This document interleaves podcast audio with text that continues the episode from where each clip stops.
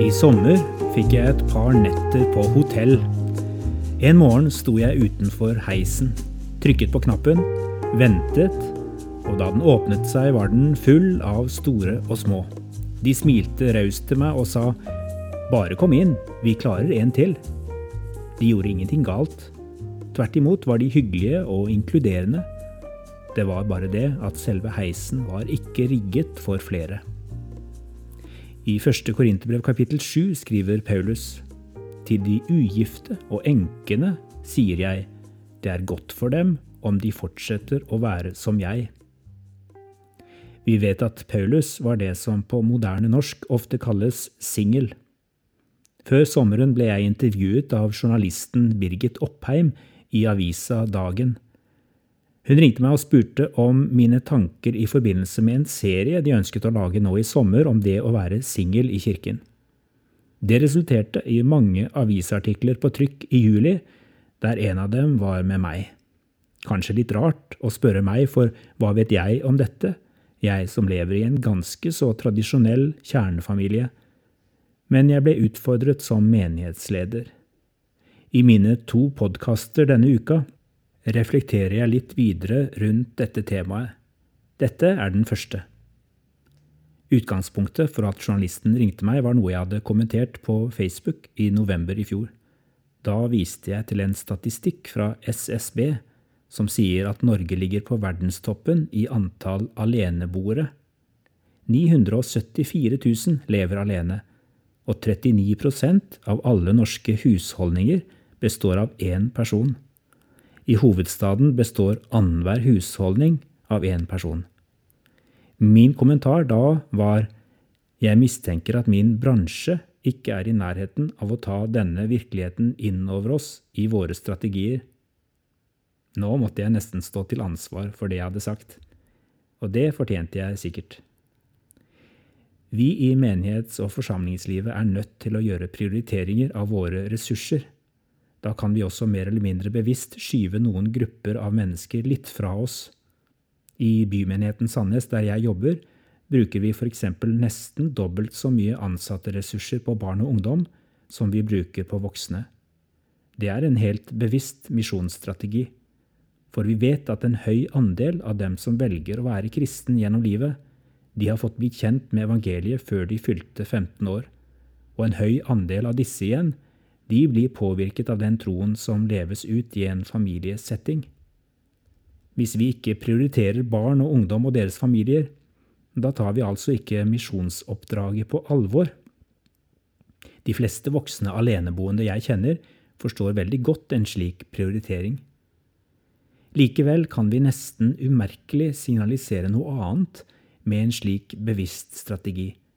Uten egentlig å ville det kan vi kommunisere at når du er kristen, da er du litt mer verdt og litt mer viktig hvis du lever i en familie der man har et foreldreansvar, og aller helst med både mor og far til stede. Da trenger vi å gå tilbake til Paulus igjen og bli minnet om hva han faktisk sier. Til de ugifte og enkene sier jeg, det er godt for dem om de fortsetter å være som jeg. Dette er sterke ord hvis vi tar dem på alvor. Paulus sier ikke bare at de ugifte og enkene er like viktige og har like stor verdi som de gifte i menigheten. Det er jo på en måte selvsagt. Men han kommuniserer at det er det å være ugift som er godt. Å være ugift, enke eller enkemann representerer altså for Paulus det gode liv.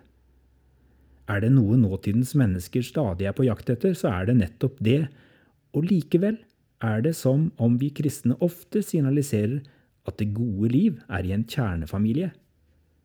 Det har de som lever alene, fortalt meg. Selv om noen av de selv kan kjenne på at de har savn og lengsler etter kjæreste, ektefelle, barn, blir det på en måte bare forsterket når de møter dem som lever med en såkalt kjernefamilie rundt seg. Denne forventningen om at man skal videre, at man før eller siden skal inn i et kjærlighetsforhold, at det er dette som er det virkelige livet. Den pipler fram i samfunnslivet, kanskje særlig i menighetene. Det falt en del mennesker tungt for brystet da jeg derfor gikk så langt i intervjuet som å si at jeg syns det er noe klamt over begrepet kjernefamilien. Hvorfor i all verden måtte jeg si det, fikk jeg høre. Hvorfor skal det være nødvendig å rakke ned på noe som er fint, vakkert og gudgitt, for å klare å løfte opp noen andre? Det er helt sant.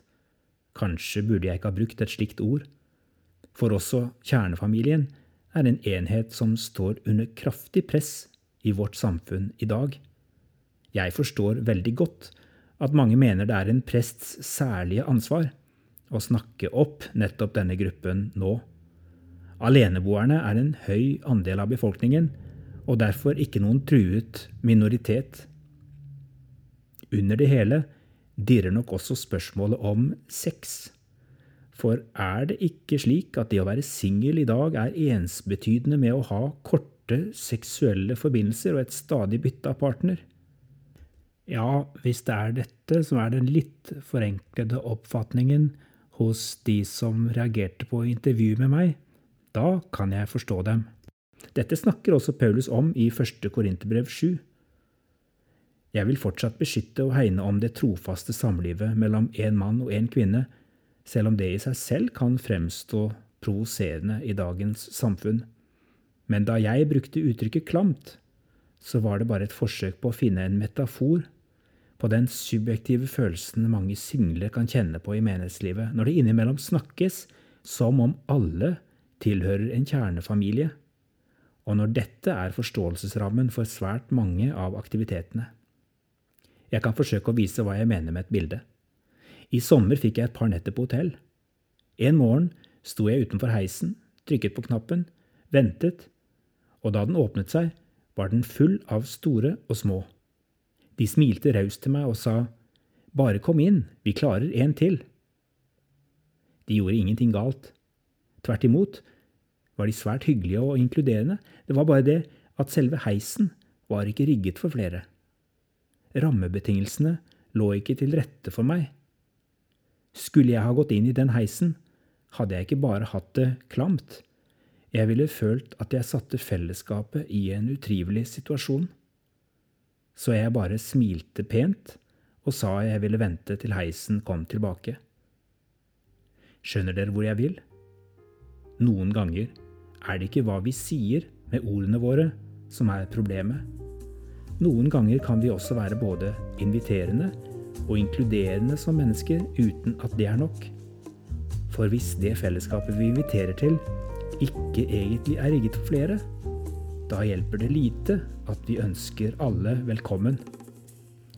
I min neste podkast vil jeg snakke litt mer om hvilke muligheter som ligger i det å tenke storfamilie i menighetslivet.